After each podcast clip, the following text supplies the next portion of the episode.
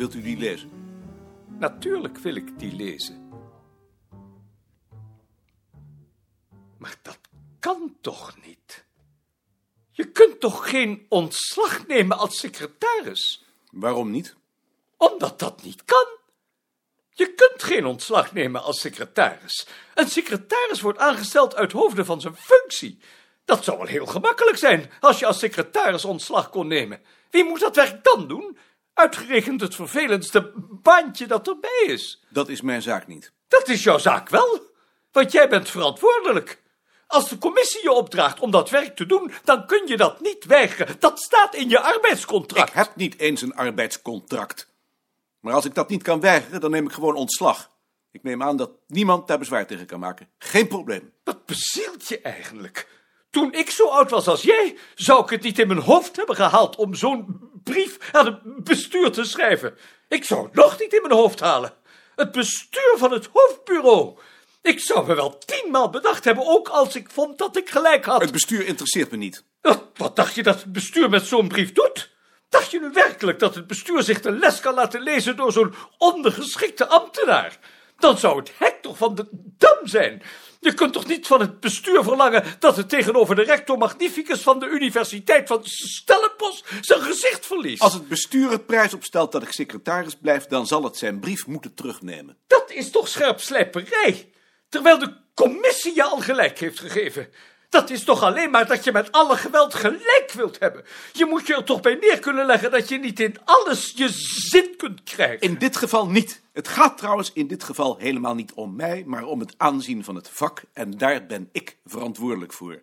Die verantwoordelijkheid wil ik dragen, maar die draag ik dan ook. En als het bestuur daar geen rekening mee wil houden, dan trek ik daar de consequenties uit. Het is zo helder als glas. Ik begrijp niet dat u dat niet ziet. Nee, dat zie ik niet. Daar ben ik dan zeker te oud voor. Dat weet ik niet, dat hoop ik niet. Want dat zou wel heel deprimerend zijn. Je laat die brief toch wel eerst aan Balk zien, hoop ik. En aan Kaatje Kater. Natuurlijk. Ik ben al bezig met een brief aan Kaatje Kater en daarna ga ik naar Balk.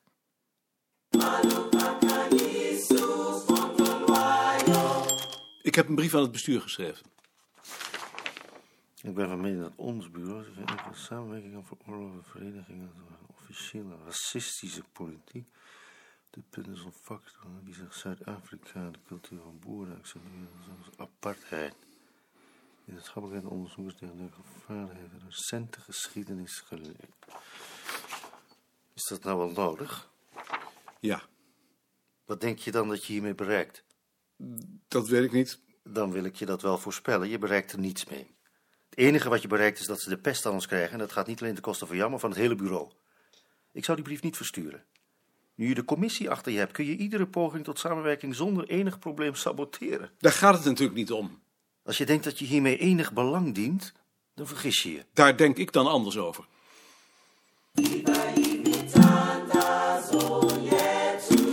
Ach, meneer Koning, blij dat ik u net tref. Maar ik sprak net met meneer Balk over de problemen die er ontstaan zijn over die brief van professor Ton. En nu zou ik zo dolgraag ook een exemplaar van de notulen van uw commissie hebben.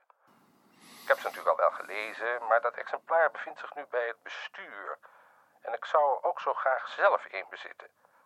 Hebt u nog een exemplaar voor me, of is dat te veel gevraagd? Nee, natuurlijk niet. Werkelijk niet? Nee, echt niet. Nou, dolgraag. Mag ik het dan even komen halen? Ik breng het u wel even. Oh, dat is heel erg vriendelijk van u. Als u dat doen wil. Ik kom eraan. Wie was dat? Papendal. We willen een exemplaar van de notulen hebben.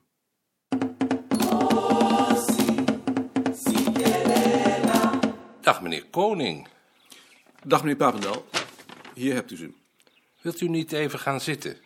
Eh, we zien elkaar zo zelden. Of hebt u het misschien druk? Nee?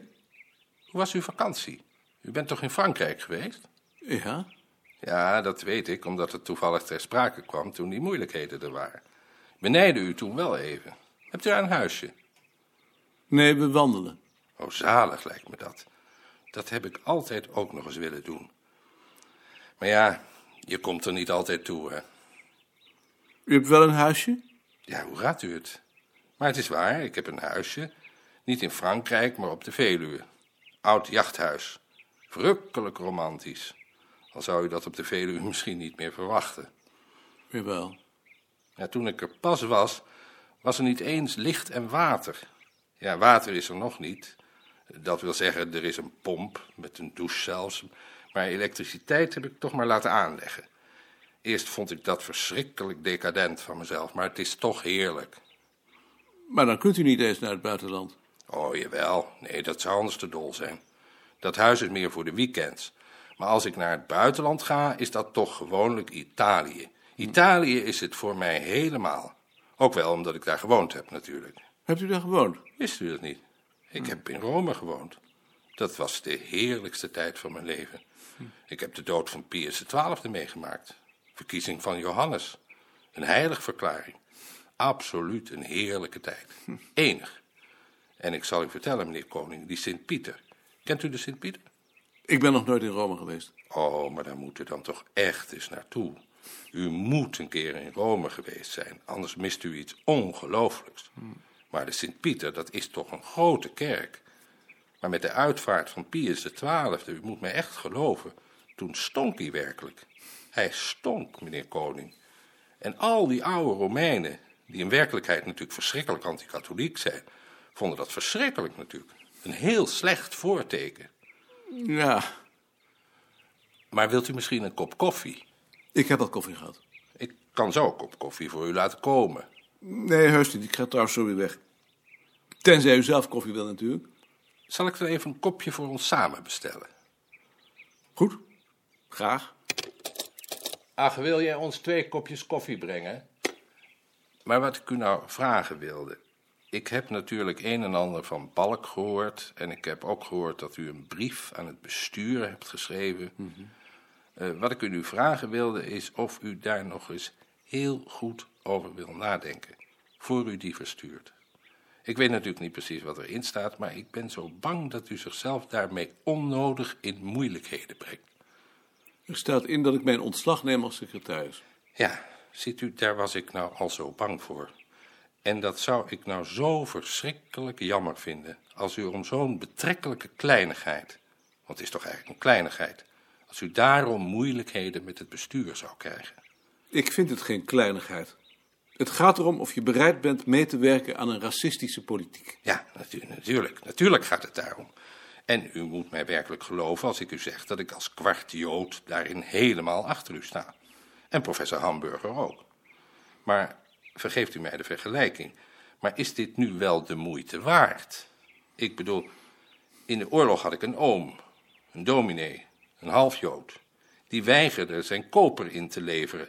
En daarvoor is hij later in de Waalsdorper duinen doodgeschoten. Dan vraag je je achteraf toch af, was het dat nu waard? Is het natuurlijk verschrikkelijk moedig en principieel.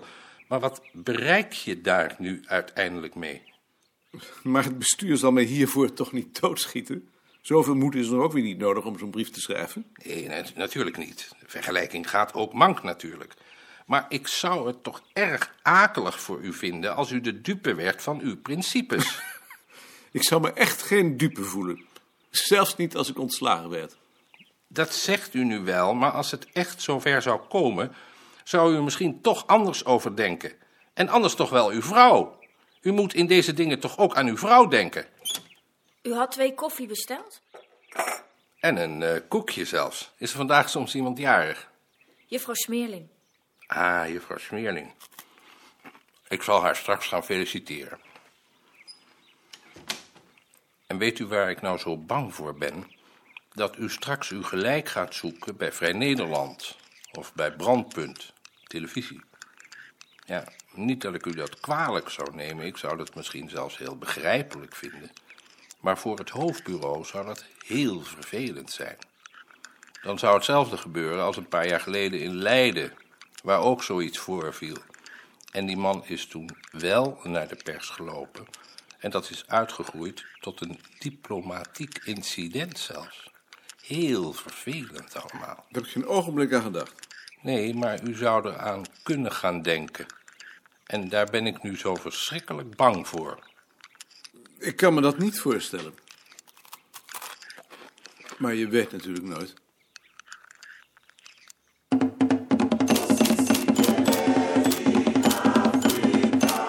Met koning? Ja, dat was ook de bedoeling.